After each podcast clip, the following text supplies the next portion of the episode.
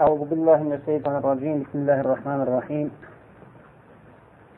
الحمد لله رب العالمين والعاقبة للمتقين ولا عدوان إلا على الظالمين والصلاة والسلام على رسولنا محمد وعلى آله وصحبه أجمعين. وبعد السلام عليكم ورحمة الله وبركاته.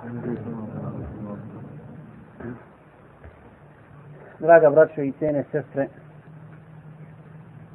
večerašnja naša tema koja se odnosi na ahlak nosi naslov sidk odnosno iskrenost ili istinoljubivost. Uzeo sam ovu temu iz prostog razloga što je iskrenost odnosno istinoljubivost osobina koja danas fali svim ljudima ili većini ljudi na zemlji, a također fali mnogim muslimanima. I iz razloga što se braće i sestre laž proširila zemljom poput kuge na pojedinačnom i na kolektivnom planu u politici, u ekonomiji, to jest u trgovini i međuljudskim odnosima i u svakodnevnom životu. Pa ćemo početi od politike da bi nam stvar bila jasnija. Dakle, o čemu hoćemo da govorimo. Tema naša nije laž, ali ćemo spomenuti laž jer je ona suprotna sidku. Kako bi nas ovaj uvod uveo u našu temu. Kakve patnje preživljavaju pa, muslimani Palestine, o kakvim se stradanjima radi, i ako ste neko već gledali onu emisiju onih engleskih novinara koji su uspjeli doći, doći dakle u onaj palestinski dio i snimiti, snimiti određene scene, jasno je svakom čovjeku na Dunjaluku šta se tamo dešava i kakav teror i kakvo nasilje židovi vrše, vrše u Palestini nad muslimanima.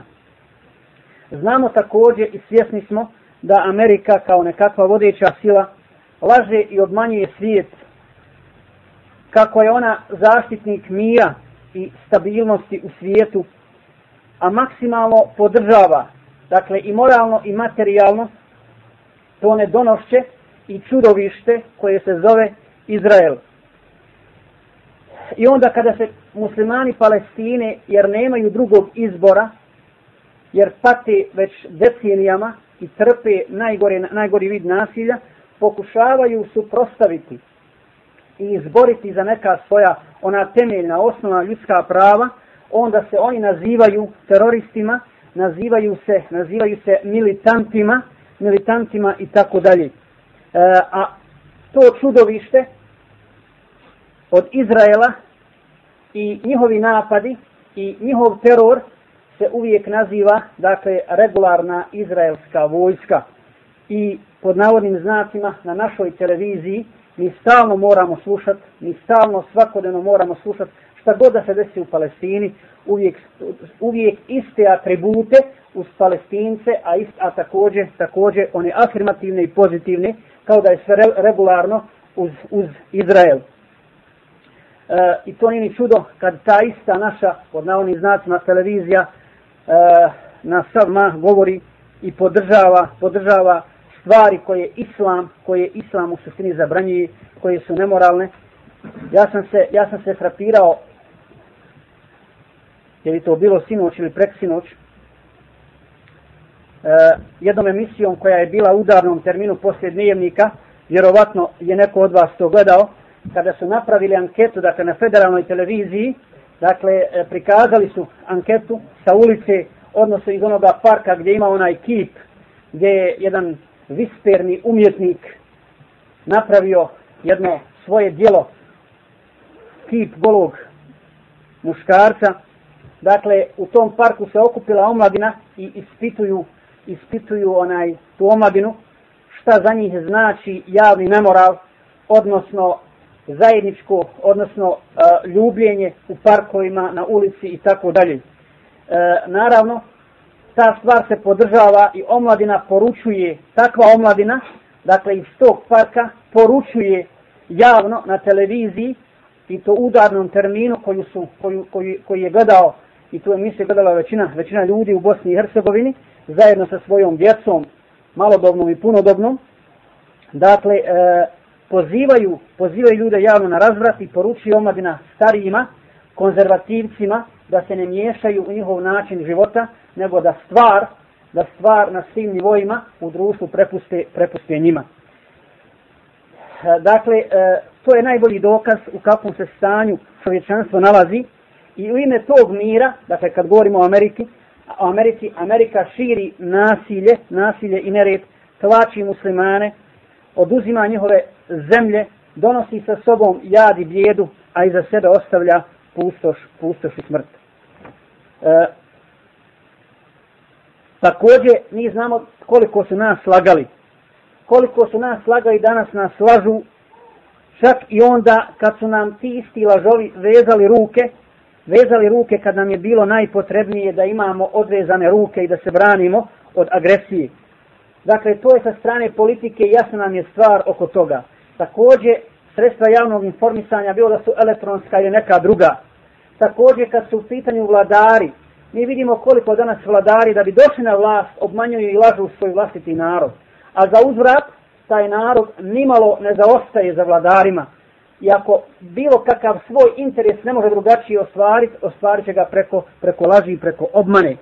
Zatim, neiskreni učenjaci, uh, svih profila, pa također i e, oni koji se bave islamom, varaju i lažu, lažu one kojima zbog svog ličnog interesa i ostanka na određenom mjestu, uh, a došli se na to mjesto upravo preko nekakvih zvanja i diploma i znanja, da li o islamu ili nečem drugom, lažu te ljude. Zatim, znamo koliko je zastupena laž u porodicama gdje djeca lažu roditelje i roditelji i roditelji djecu, a objasnit ćemo kako i na koji način. Dakle, jednostavno imamo život koji je praktično zasnovan, zasnovan na uzubillahi na laži. I kako kaže Allah, osim malo broja ljudi koji se boja Allaha Đalašanuhu, kako kaže Allah, illa alladine amanu, wa amiru salihati, wa kalilum mahum. Osim oni koji vjeruju Allaha i čine dobra djela, a malo je, a malo je takvih. Mi znamo također, braće i sestre, šta je znači laž i koliko je laž uništila ljudskih života, obeščastila i oskrnavila časti ljudskih. Koliko je ljudi zatvoreno, ubijeno zbog, zbog lažnog svjedočenja, zbog krivog svjedočenja i tako dalje. Zbog toga je Allah subhanahu wa ta'ala osudio i zabranio laž, kažu islamski učenjaci koji su brojali, dakle, koji se posvetili malo više ovoj temi, na više od 280 puta, na više od 280 mjesta u Kur'anu, Allah je osuđuje laž. Pa da ne nabrajamo ajete, Evo da smo pođvodno od sure Bekare, ona prva stranica inna levine kefaru, pa kad Allah govori o munaficima, dakle onima koji su samo uh, jezicima svojim izgovorili šehadet, a žele da obmanu Allaha i vjernike, Allah na kraju za njih kaže وَلَهُمْ أَذَابٌ أَلِيمٌ بِمَا كَانُوا يَكْذِبُونَ Njih čeka bolna patnja zbog čega? Zbog toga što su, što su lagali. Kad kadzabu bil haqqi lamma ja'ahum kaže Allah za nevjernike da dakle, za poricatelje Allahove istine oni su porekli porekli istinu nakon što im je došla, wa kadzabu wa tabu ahwa'ahum, također porekli su istinu koja dolazi s poslanicima i slijedili su, slijedili su svoj strast. U mnogim hadisma poslanik sallallahu alaihi wa sallam također e, spominje i osuđuje, osuđuje laž Tako u uh, hadisu kojeg prenosi Abdullah ibn Mas'ud, koji se, kojega bilježi Buharija i Muslim, dakle nalazi se u sahihajnu, u dva sahiha, kaže poslanik sallallahu alaihi wa sallam, وإياكم والكذب bojte se ili čuvajte se, čuvajte se laži, fa innal kadhiba yahdi ila al-fujur. Jer laž jer laž vodi u razvrat, odnosno u griješenje, wa innal fujura yahdi ila an-nar. A, a griješenje vodi vodi u vatru. Wa inna ar-rajula la yakdhiba wa yataharra al-kizba hatta yak hatta yuktaba 'inda Allahi kadhaba. zaista čovjek ustrajava u, u laži, ustrajava u tom grijehu, sve dok ne bude upisan kod Allaha Đalešanuhu kao, kao lažov. A Imam Ahmed bilježi u svome musnedu hadis u kojem kaže poslanik sallallahu alaihi sallam keburat hijane zaista je velika izdaja. Šta? En tuhaddite ehake hadisen huva leke musaddik da govoriš ili da pričaš svome bratu nešto neku priču ili preneseš neku vijest koju on smatra istinitom, dakle i iskrenom jer ti vjeruje, wa anta lahu bihi kadhib. A ti u stvari lažiš. Dakle, velika je to izdaja da pričaš čovjeku koji ima pohjerenja u tebe, da mu prenosiš određenu vijest i on ti vjeruje, a ti u stvari, ti u stvari lažeš. U drugom hadisu koji bilježi muslima da mu Hureyre, kaže poslanik sallallahu alaihi sallam, kefa bil mar'i isman an yuhaddisa bi kulli ma sami'a. Dosta je čovjeku grijeha da prenosi sve što čuje. Dosta je čovjeku grijeha da prenese sve što čuje.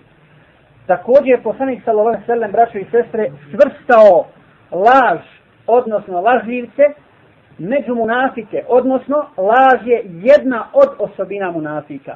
Nije, nije, nije to sve. Munafici i licemjer imaju mnogo osobina, ali jedna od temeljnih i glavnih osobina nifaka, odnosno munafikluka, jeste laž. Zato kaže poslanik sallam, ajatul munafike salasa. Tri su osobine munafika. إذا حدث كذب وإذا وعد أخلف وإذا ثمن خان kada govori laže, kada obeća iznevjeri i kada mu se nešto povjeri, to to pronevjeri. A u drugom hadisu, u drugoj predaji kaže sam selam, kod koga se na, samo ćemo u prijevodu, kod koga se nađe četvero, on je pravi munafik. Dakle, kod koga se nađe četiri osobine, on je pravi munafik. A kod koga se nađe jedna od tih osobina, on ima svojstvo nifaka, odnosno licemjerstva, sve do ga se ne oslobodi. Kaže, kad govori laže, kada obeća, ne ispuni obećanje, kada sklopi ugovor, prekrši ga i kada raspravlja s drugima, pretjeruje, odnosno, e, pretjeruje u, u svom raspravljanju ili ili griješi dok, dok raspravlja, makar govorio istinu. Također, malo prije smo spomenuli te sredstva informisanja. Ja ću, ja slobodno mogu kazati da su sredstva informisanja kod nas, a također u čitavom svijetu, prave fabrike laži. Prave fabrike laži. I ono što je ružno, i što je odvratno, i što je nemoralno, sredstva informisanja danas, danas serviraju ljudima kao dobro, kao napredno, napredno i civilizovano. A ono što je moralno, što predstavlja moral, stid, stid, vjeru i tako dalje, za njih je to nazadno, konzervativno, nemoralno i, i, i ružno. I tako i prikazuju i islamski način života. I hoće da one koji slijede Kur'an i Sunnet prikažu u najgorem svjetlu. Evo uzmite večerni, večerni list uh, Hrvatske novine u kojima u kojima e, se spominje pravila anketa o nepismenosti o nepismenosti i kažu da u Bosni i Hercegovini ima negdje oko 40% žena nepismeni. Anketa, nemam pojma, vjerovatno nije istinita, jer Aleso Helenej se na osnovu onog slučajnog uzorka, oni su uzeli uh, onaj, uh, napravili tu anketu i šta su stavili kao sliku? Jel neko od vas to gledao i čitao su danas? Kad spomenju žene i njihovu nepismenost, uzeli su fotografiju vjerovatno Zagrebački džamije, ispred, ispred Zagrebačke džamije e, idu djevojke, odnosno muslimanke koje su pokrivene, vjerovatno idu u medresu, tu, i one su simbol nepismenosti. One su simbol nepismenosti.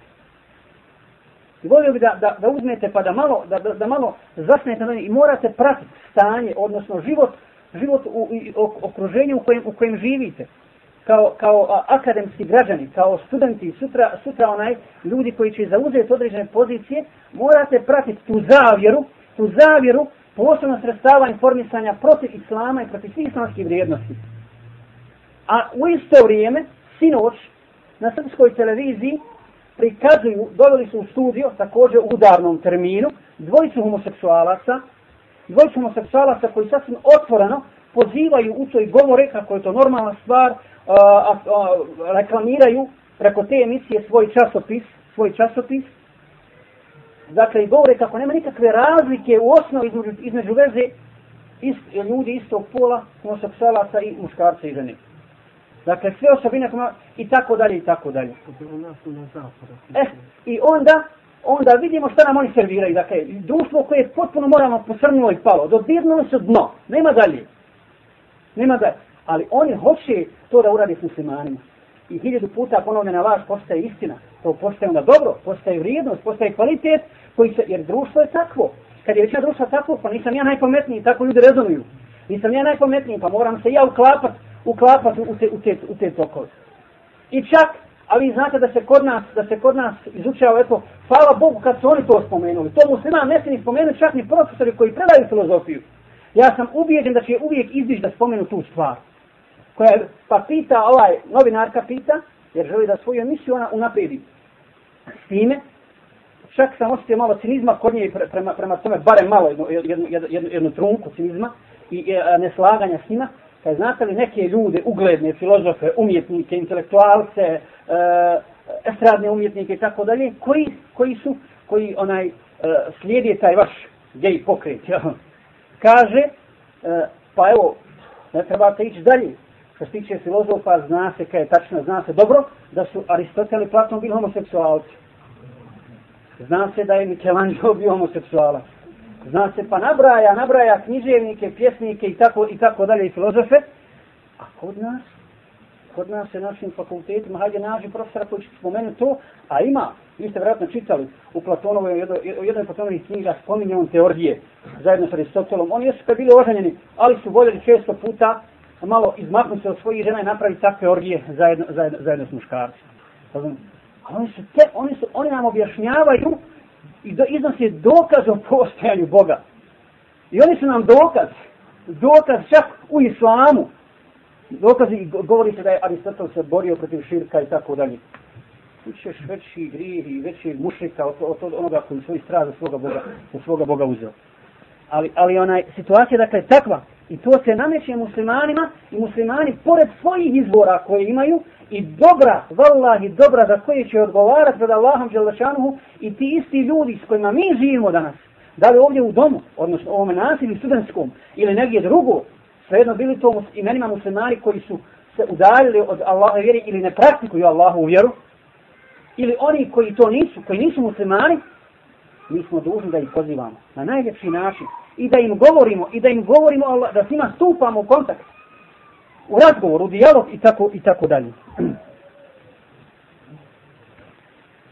Zato kad posmatramo poslanika sallallahu alaihi sallam, njegovu siru, njegov život, vidjet ćemo da je poslanik sallam odgoj i obraćao i sestre najbolju generaciju, generaciju ljudi koji su bili poznati po svim, po najljepšim osobinama, a također po sitku, odnosno po, po iskrenosti. I oni su uspjeli uspostaviti islamsku državu, islamsku državu gdje je njihov, dakle, vladar bio najiskreniji vladar, njihov vojskovođa, najiskreniji vojskovođa, njihov ali, najiskreniji ali, i uspjeli su osvojiti tada dvije imperije, u to vrijeme se smatralo da kada su to simboli napretka i civilizacije. Ali kad su vid, ali u stvari iznutra, kao današnje imperije, iznutra je to bilo moralno truhlo i spremno, spremno svakog časa za propast. Da bi to još bolje ja uporedio, njihovo stanje je bilo kao stanje onih ljudi koji su bili u Palestini, kada Allah naređuje Musavu i njegov narod da uđu, samo da uđu u kući. I gotovo, neće im se niko suprostaviti. Oni misle da su ljudi koji su krupni, koji su e, korpulentni, visoki, jaki, misle da imaju, a nemaju oni moralnih vrijednosti, nemaju hrabrosti, dakle, potpuno su pali.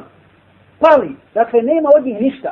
E tako su te imperije kada su se suočili ljudi sa istinom, sa iskrenošću, sa svjetlom akide islama, gotovo propalo. Sada su ljudi vidjeli u stvari šta je Vizantija i Perzija i koliko zaista, koliko zaista vrijede Vizantija i Perzija. Dakle, jedan obični vojnik musliman, jedan obični vojnik musliman je potpisivao ugovor o zaštiti dakle, u borbi. Musliman ne zna niko, tek kasnije vojskovođa sazna da je musliman čitavom jednom naselju dao slobodu vojnik, obični. I vojskovođa pristaje na to i prihvata to kao da je to on potpisao. Kao da je to on potpisao. I tako mi Allaha, jače je bilo to jače i poštovalo se hiljadu puta više, nego sve današnje konvencije koje prate tolika pompa, koje, koje prate sredstva informisanja, pa se održavaju u gradovima gdje se kasnije u istoriji pamte, moraš pamti tako budeš učio istoriju, i ti i tvoja djeca, gdje je, kad je održana ženevska konvencija, kad berlinska, kad ova, kad ona, sve šeitanske konvencije, večera se skopije, sutra, se, sutra, sutra i nema. Sutra se ne poštuju. Jel tako ili nije? A u islamskoj državi jedan muslimanski vojnik, jedan muslimanski vojnik, da li u Semerkandu ili, ili negdje u Perziji ili Bizantiji, kada da sigurnost i obeća sigurnost čitavom naselju, nema ulaska u to naselje. Nema ulaska u to naselje dok se ponovo ne sklopi novi ugovor, novi ugovor s tim, s tim, s tim ljudima. Dakle, to su istinske islamske vrijednosti. I to je vrijednost sitka, odnosno iskrenosti. iskrenosti. Dakle, hoćemo da, da, da govorimo, braći i sestre, o vrijednosti sitka. Koliko je, koliko je ova osobina vrijedna, vrijedna sama po sebi, a posebno u današnjem vremenu, kad toga nema, kad nema sitka. I nema istinskog uspjeha bez istinoljubivosti. Ko ne bude išao tim putem, sigurno će, sigurno će propasti. Kako kaže sam si učenjaci, sidk je Allahova sablja na zemlji. E, I to je, to je furkan, odnosno jasan, jasan rastavljač istinskih vjernika od monafika, odnosno licemjera. Islamski učenjaci su sidk podijelili na tri vrste. Dakle, zapamtimo ovo dobro. Islamski učenjaci su sidk podijelili. Evo se da ne. Dosta